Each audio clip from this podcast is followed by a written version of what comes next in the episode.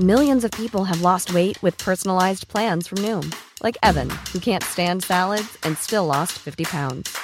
Salads, generally, for most people, are the easy button, right? For me, that wasn't an option. I never really was a salad guy. That's just not who I am. But Noom worked for me. Get your personalized plan today at Noom.com. Real Noom user compensated to provide their story. In four weeks, the typical Noom user can expect to lose one to two pounds per week. Individual results may vary. Hey, it's Ryan Reynolds, and I'm here with Keith, co star of my upcoming film, If, only in theaters, May 17th. Do you want to tell people the big news? All right, I'll do it. Sign up now and you'll get unlimited for $15 a month in six months of Paramount Plus Essential Plan on us. Mintmobile.com slash switch. Upfront payment of $45 equivalent to $15 per month. Unlimited over 40 gigabytes per month. Face lower speeds. Videos at 480p. Active Mint customers by 531.24 get six months of Paramount Plus Essential Plan. Auto renews after six months. Offer ends May 31st, 2024. Separate Paramount Plus registration required. Terms and conditions apply if rated PG. Du lyssnar på GVS ljudböcker.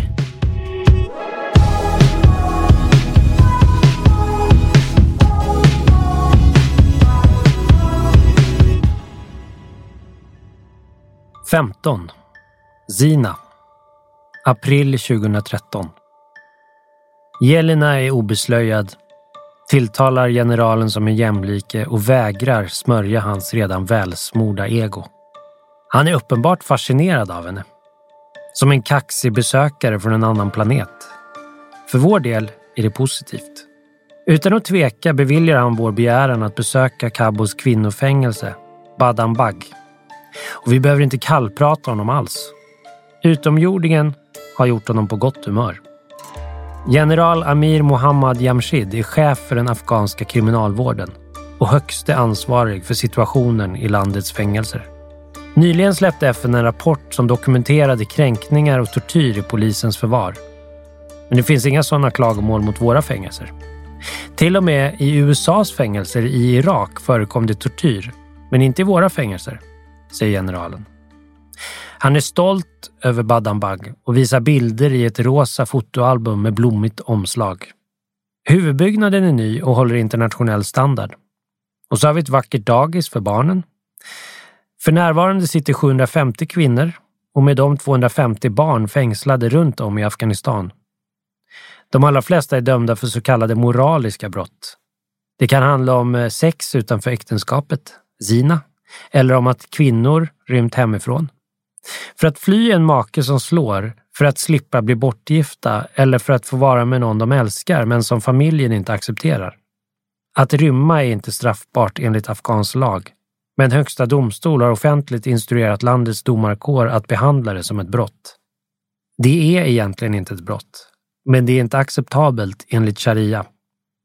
Kvinnor kan också begå brott under tiden de är borta, säger generalen. Näst efter moraliska brottslingar utgör mördare den största kategorin. När afghanska kvinnor fälls för mord är offret nästan alltid maken och brottet har i regel föregåtts av grovt våld i hemmet. Men vi hade en seriemörderska också. Hon bjöd hem taxiförare och styckade dem och så sålde hon deras bilar som reservdelar. Hon satt i Badambag förut, men hon hotade en utländsk kvinna så vi fick flytta henne till Jalalabad, säger generalen och skrattar högt åt undantaget som bekräftar regeln. Jamshid undertecknar dokumentet som ger oss tillträde och ger oss ett råd på vägen. Saker som ni kommer få höra från flickorna är inte sanna. Om en 16-årig flicka säger att hon bara log mot grannpojken så ljuger hon, för det mesta. Då hade hon kanske blivit slagen av sin bror. Men hon skulle inte hamna i fängelse om det inte är bevisat att hon begått ett brott. Människorättsorganisationer som verkar i landet tecknar en annan bild. Det general Jamshid inte erkänner eller inte förstår är att om pappan eller maken anmäler en kvinna så tar polisen deras ord för sanning och arresterar henne. Det är nästan alltid mannens ord mot kvinnans. Och då betyder kvinnans aldrig något, säger Heather Barr, jurist på Human Rights Watch. Hon har nyligen färdigställt en rapport om kvinnor som döms för moraliska brott och menar att möjligheterna att bli frikänd är mycket små. Oavsett om det handlar om korrumperade poliser, outbildade domare eller inkompetenta försvarsadvokater så har kvinnorna oddsen emot sig. De här kvinnorna är ofta analfabeter och ofta är det enda beviset mot dem ett erkännande som skrivits av polis och undertecknats med ett fingeravtryck. Human Rights Watch har inga uppgifter om kvinnor som anklagats för moraliska brott och friats. Men det finns en handfull. Den gemensamma nämnaren har varit deras försvarsadvokat. Historierna om Kimberly Motley är många. Det berättas att hon konsekvent vägrar betala mutor. Att hon blev den första kvinnan i Afghanistans historia att leda en jirga, ett traditionellt rådslag för informell rättsskipning och att hon vägrar bära slöja i rättssalen. Det är inte bara rättssalen. Jag vägrar bära slöja oavsett vad jag är. Jag vill helt enkelt inte. Punkt, fnyser Kimberly. En första fnysning av många. Den tidigare skönhetsdrottningen från Milwaukees fattigare kvarter svär som en borstbindare och levererar idiotförklaringar i parti och minut. Kimberly säger att hon inte kunde peka ut Afghanistan på en karta innan USAs utrikesdepartement 2008 rekryterade henne som rådgivare till ett utbildningsprojekt i Kabul. Hon blev kvar och är idag landets enda kvinnliga, tillika enda utländska brottmålsadvokat. Kimberly tjänar sina pengar på att försvara utländska klienter. Mestadels säkerhetsanställda eller affärsmän som hamnat i klammeri med myndigheterna. Hon spenderar dem på att ideellt försvara unga kvinnor. Metodiken är i bägge fallen densamma. Många tror att fallen avgörs i rättssalen. Men rättegången är den enkla biten. Du måste utveckla långsiktiga relationer. Det är en annan juridisk kultur. Du måste hitta egen bevisning för myndigheterna kommer inte göra det åt dig. Jag gör en hel del skit som det inte är meningen att man ska göra. Det är så man tar sig fram. Domarna här är ofta illa inlästa på lagen och väldigt okunniga om islam. Det är en missuppfattning att alla kan Koranen. Oftast är det jag som citerar den. Enligt Koranen krävs det fyra ögonvittnen för att bevisa äktenskapsbrott. Jag älskar att ta upp det. Samtidigt är det väldigt viktigt att inte låta överlägsen. Du får inte verka smartare än domarna, även om du själva verket är det. Kimberly har hittills inte förlorat ett mål. Men hon kan inte vara överallt. Och liksom seriemördaren som styckade taxichaffisar är hennes klienter undantag som bekräftar ett normaltillstånd av fällande domar. I ett hörn hänger utklippta bilder på manliga Bollywoodstjärnor. En sliten matta ligger på golvet och längs de nötta betongväggarna står våningssängar med stålstommar. Estorai delar cellen med sju andra kvinnor. Hon är den enda som vill prata. Jag är här för att jag älskar en pojke och rymde med honom, berättar hon. Hans familj kom till mitt hus och friade flera gånger, men min far vägrade för jag var redan förlovad med min fars kusin. Till slut rymde vi. Kärleksparet höll sig undan. Men efter tre månader inomhus kände Estoray att gömställets väggar kröp allt närmare och fattade det ödesdigra valet att gå till marknaden. Någon kontaktade familjen och en av Estorays bröder knivhögg henne på öppen gata. Nu har hon suttit häktad i en månad i väntan på rättegång. När min bror tog mig till polisen ville de först släppa mig. Men min far ville inte att jag skulle bli släppt och tog mig till en annan polisstation. Sedan dess sitter jag inspärrad. Badambag är grått, på utsidan och på insidan. Fängelsebyggnaden är fyrkantig. Stålgaller täcker dess få fönster. Interiören är en hybrid mellan skolkorridor från högstadiet och mentalsjukhus från skräckfilm. Det är nybyggt, men putsen faller redan från väggarna. Det är fuktigt och luktar mögel. Allt är krångligt och vår tolk fungerar inte.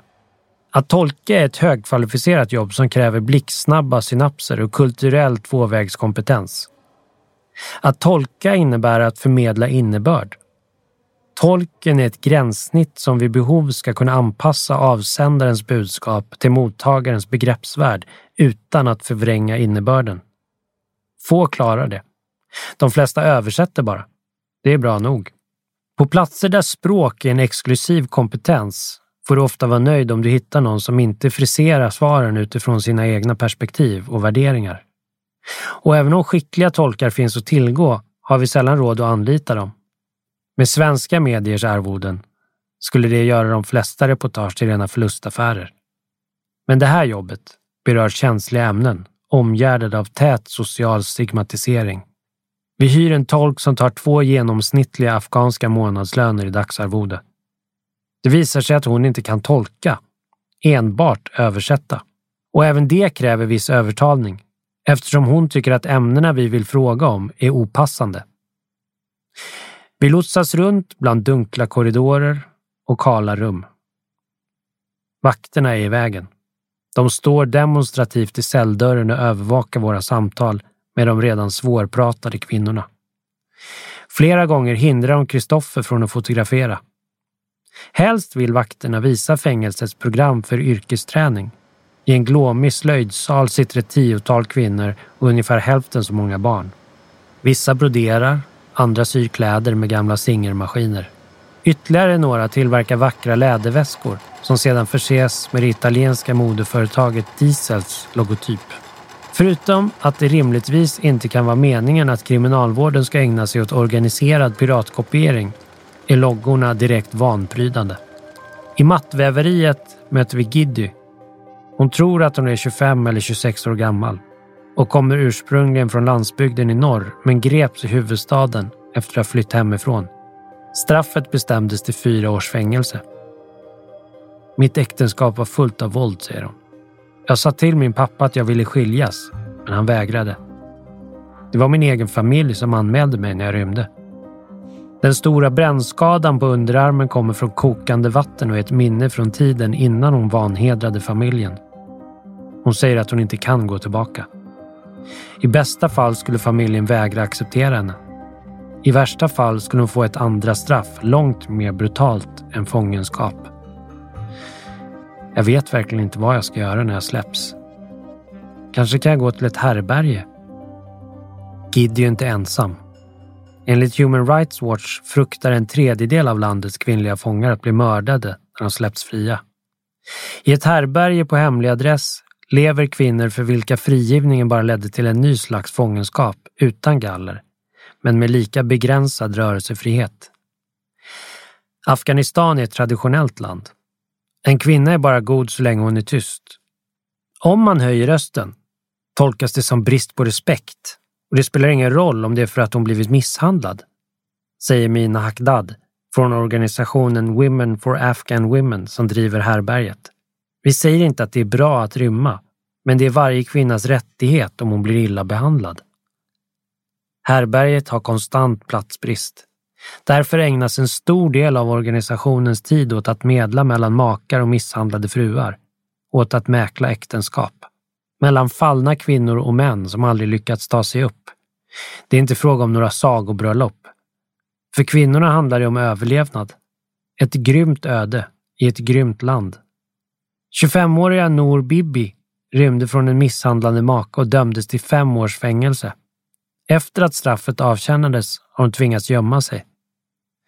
Familjen vill inte att jag ska återvända. Jag fick skulden för allt som hände. Jag är från en pashtunsk släkt. När en kvinna har lämnat hemmet kan hon inte komma tillbaka. Nu har en kusin föreslagit äktenskap. Norbibi tänker tacka ja. På härberget kan hon inte stanna för evigt och att leva som ensamstående kvinna är en social omöjlighet. Han har redan en fru men inga barn. Jag har ingenting. Och det här är min enda möjlighet. Om det är kärlek? Jag vet inte, säger hon och rycker på axlarna. Nour Bibis två barn är med makens familj. Hon säger att hon inte saknar dem, men ögonen är glansiga. Alla brottslingar på härberget har rymt eller begått sina utom en. När hon kom hit från fängelset hatade hon människor. Det tog två, tre månader innan hon började prata, berättar Mina. Sitten Baku hör egentligen inte hemma där. Eller ens i Afghanistan. Men har fått en plats av humanitära skäl. För att hon behöver det. Och för att hon inte har någon annanstans att ta vägen. Hon sändes till Kabul som drogmula men greps på flygplatsen och dömdes till tio års fängelse. Hon benådades efter två och ett halvt men får inte återvända till Zimbabwe förrän hon betalat sina böter på 10 000 dollar. Sittenbaku äger inte ett öre. Knarkbaronen som skickade henne skulle förvisso kunna betala. Men varför skulle han? När de hörde att jag åkt fast åkte de på semester tills allt lugnat ner sig. De stora blir aldrig fångade. Med deras pengar kan de alltid fly. Sånt är livet, säger Sittenback och rycker lätt på axlarna. Fängelse är fängelse. Men fängelse i Afghanistan är inte så tufft. Det är inte som i andra länder där man hålls isolerad och bara får vara ute en timme om dagen. Hon döljer det väl med graciösa rörelser. Men det syns att Sittenbaku är svag. Hon har HIV och har inte haft tillgång till bromsmediciner under tiden i Afghanistan. Jag frågar vad hon ska göra om och när hon får återvända hem. Jag vet inte. Leta efter ett jobb. Jag får se. Jag ska inte smuggla, svarar hon och ler. Sittenback är rolig och intelligent. Hennes kombination av integritet och självdistans är svår att värja sig mot och jag kommer på mig själv med att tänka på Marilyn Monroe. Jag hade utan tvekan kunnat föreställa mig Sittenbacke på vita duken. Eller framför ett jublande publikhav. Ofta funderar jag på vad människor jag möter i Afghanistan hade kunnat vara om de fått en annan uppsättning möjligheter att utforska. Om livet delat dem en annan hand. Kanske hade Sittenbacke stått i rampljuset. Kanske hade hon gjort någonting mycket viktigare. Kanske hade hennes ögon inte varit så oändligt sorgsna. Hennes berättelse kommer aldrig med i någon tidning. Jag märker inte tatueringen på hennes hand förrän vi säger adjö. Det är en kniv. En vän ritade den på papper. Sen gjorde jag den med nålar och bläck från kulspetspenna, säger Sittenbacke. Hon himlar med ögonen. Fängelse.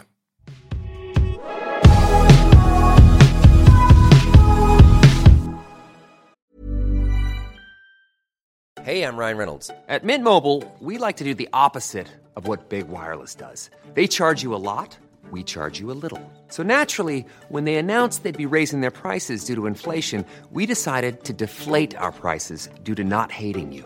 That's right. We're cutting the price of Mint Unlimited from $30 a month to just $15 a month. Give it a try at mintmobile.com slash switch. $45 upfront for three months plus taxes and fees. Promo rate for new customers for limited time. Unlimited more than 40 gigabytes per month. Slows. Full terms at mintmobile.com.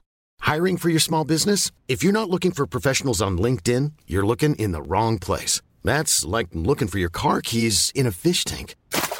LinkedIn helps you hire professionals you can't find anywhere else, even those who aren't actively searching for a new job but might be open to the perfect role. In a given month, over 70% of LinkedIn users don't even visit other leading job sites. So start looking in the right place. With LinkedIn, you can hire professionals like a professional. Post your free job on linkedin.com slash people today.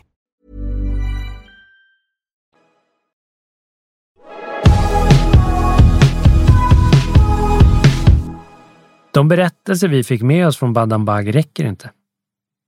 Kvällstidningen vi arbetar för är kompromisslöst trogen sin idé och estetik.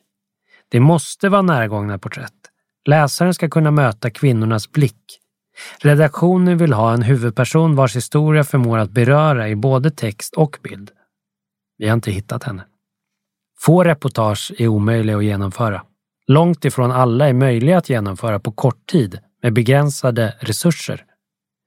Vår tid är snart ute och det står redan klart att vi kommer att förlita oss på återförsäljning till tidningar i grannländerna om vi alls ska få någon avkastning på vårt arbete.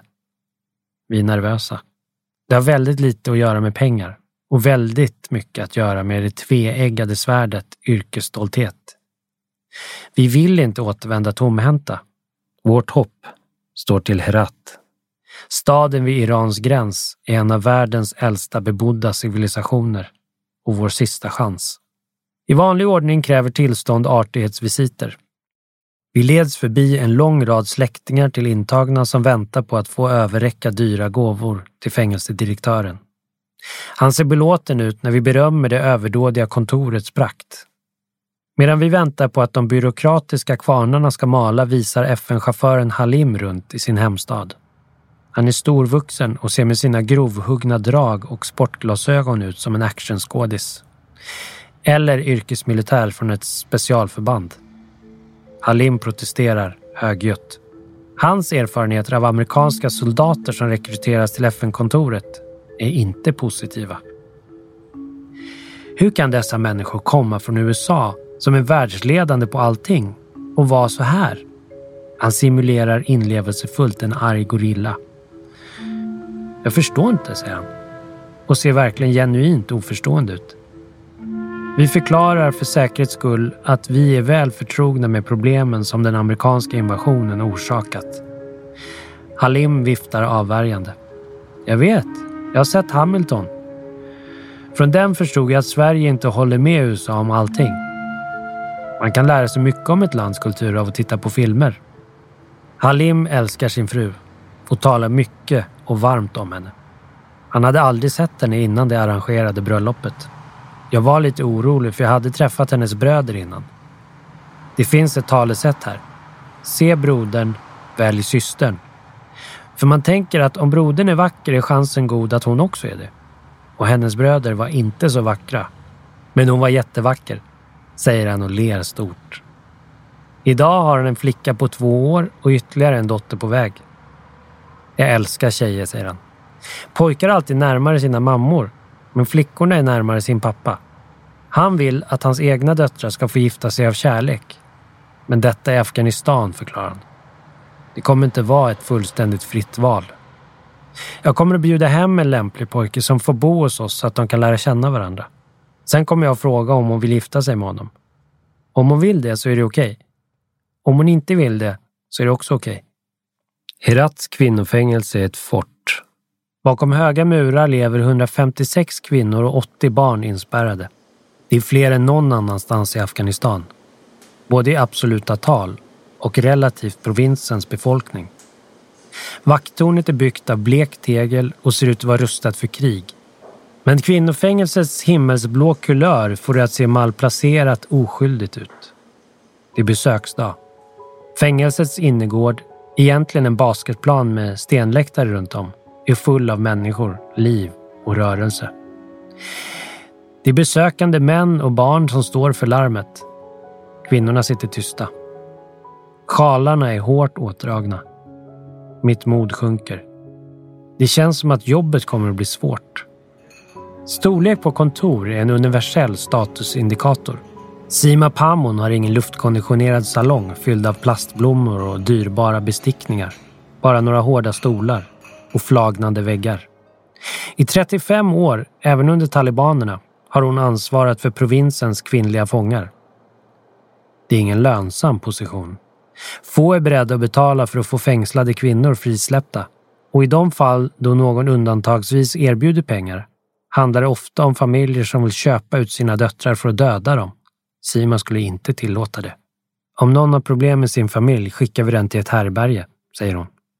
Vi har hört historien om hur hon långt innan Afghanistan blev biståndsbranschens inneställe framför andra kämpat för kvinnors värdighet innanför och säkerhet utanför murarna. Idag har dömda möjlighet att välja mellan arbete och studier. De mattor som vävs och kläder som sys säljs till en italiensk militärbas i närheten. Många kvinnor tjänar enligt Sima uppemot 50 dollar i månaden och försörjer hela sina familjer på utsidan. Jag är väldigt nöjd med dessa fångar. De flesta är väldigt bra människor. Många utbildar sig här inne. De kommer att vara till stor hjälp för samhället när de kommer ut.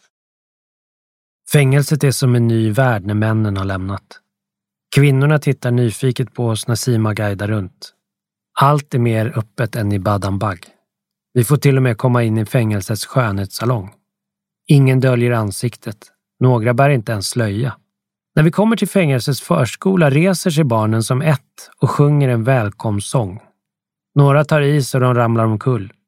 I Kabul skrockade generalen om att Herats kvinnofängelse är som ett femstjärnigt hotell. Jag vet inte om det var skryt eller förargelse över upplevda silkesvantar. Men klart är att de frihetsberövade här har en högre levnadsstandard än det genomsnittliga afghanska hushållet. Cellerna är egentligen sovsalar, inte trånga, på gränsen till ombonade. Kvinnorna ställer sig i någonting som liknar gevakt medan Sima presenterar oss. När vi går vidare vinkar en av dem och gör en fånig grimas. Det är spex för vännernas ögon, inte för våra. Men jag råkar titta mig över axeln och vinka glatt tillbaka. Kvinnorna viker sig av skratt. Vi är där för att dokumentera rättslösa och utsatta människor med traumatiska bakgrunder och dystra framtidsutsikter. Men vårt underhållningsvärde är tydligen högt. Om vi på något aldrig så litet sätt kan återgälda inblicken i deras värld kan jag inte se det som annat än positivt. Elham Ramani är 18 år och avtjänar ett straff på 16 månader. Liksom majoriteten av landets kvinnliga fångar är hon dömd för att ha rymt hemifrån. Hon ångrar sig men är samtidigt kritisk mot hur rättsväsendet producerar brottslingar. Kärlek är inte ett brott. Lagarna borde ändras. Men om någon rymmer borde de gifta sig så att de inte förlorar sin trovärdighet. I det här fallet var det pojkens familj som ställde till problem. Men man får inte rymma. Elham anser sig lyckligt lottad. Hon har bett sin familj om förlåtelse och till sin egen förvåning fått tillåtelse att återvända hem efter fängelset. Men när jag kommer ut vill min familj lämna Afghanistan. Det är för att jag rymde. Det handlar om hedern. Eller så flyttar vi till en annan provins. Många hävdar att de är oskyldiga.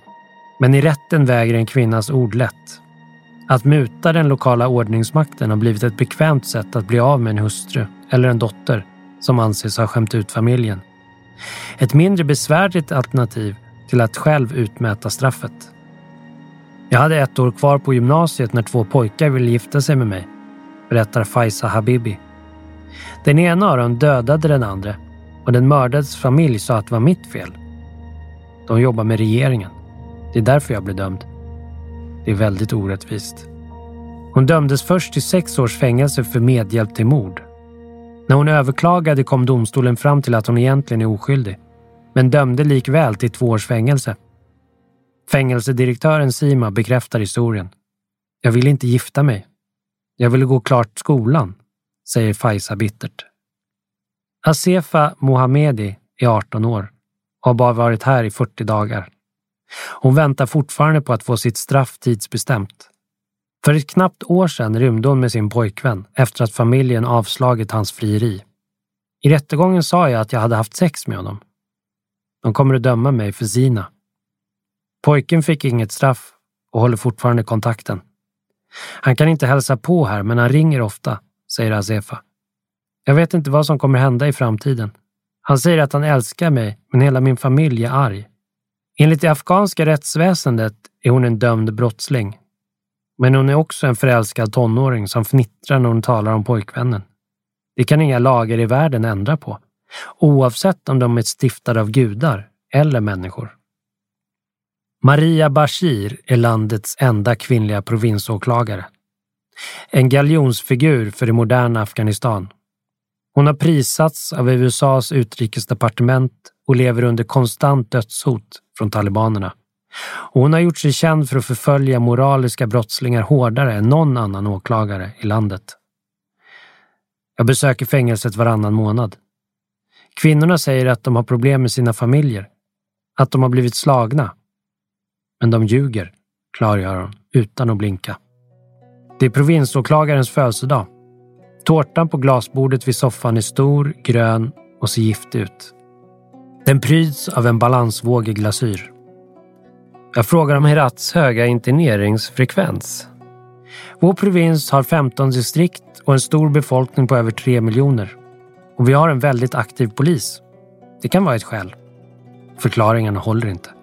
Men att fler kvinnor fängslas i Herat beror inte heller på att domstolar i andra provinser är mer toleranta, utan på att kvinnor där i högre utsträckning utsätts för traditionell bestraffning, mördas eller misshandlas av sina familjer.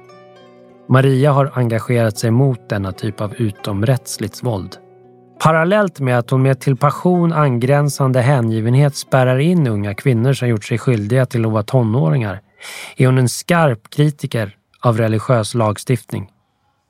Under talibanerna drev hon en underjordisk skola i sitt hem. Hon har organiserat kampanjer för att få kvinnor att anmäla makar som slår, till priset av flera attentat mot sin familj. Kanske är det därför, för att visa hur mycket hon tror på det västerländska rättssystemet som hon så plikttroget åtalar kvinnor.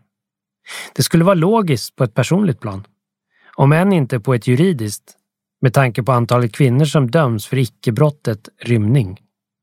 När du går dit säger alla att de är oskyldiga. För att de vill bli frisläppta.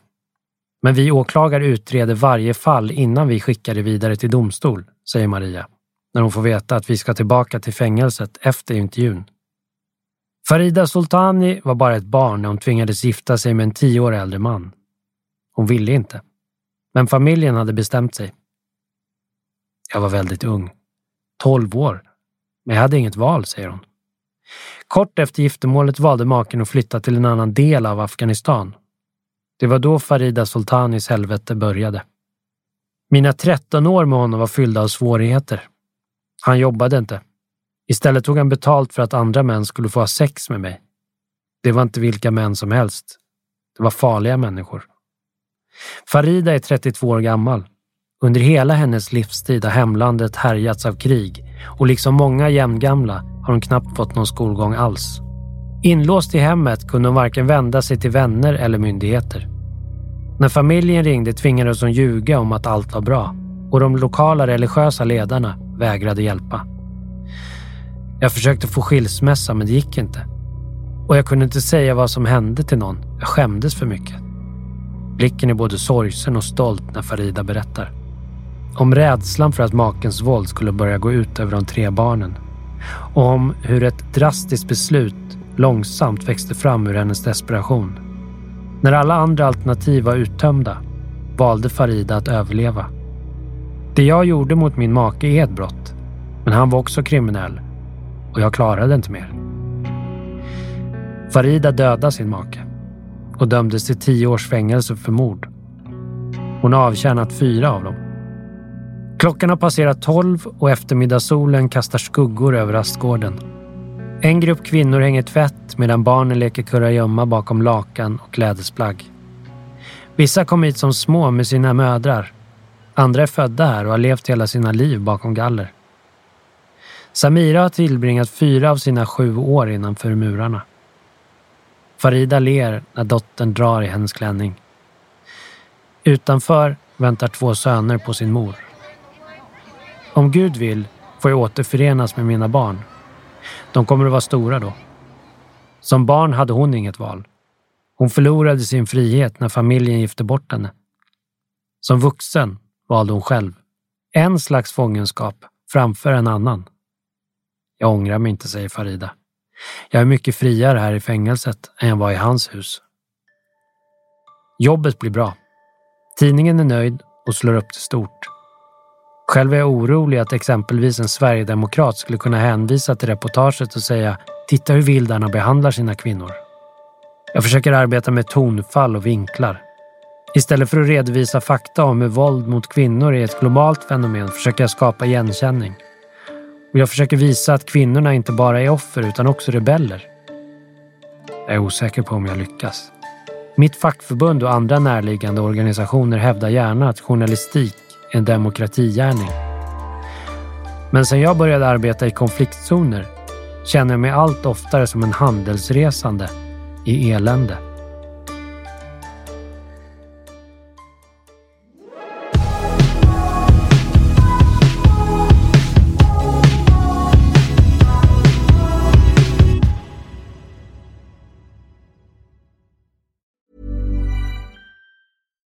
It's Paige DeSorbo from Giggly Squad. High quality fashion without the price tag. Say hello to Quince. I'm snagging high-end essentials like cozy cashmere sweaters, sleek leather jackets, fine jewelry, and so much more. With Quince being 50 to 80% less than similar brands.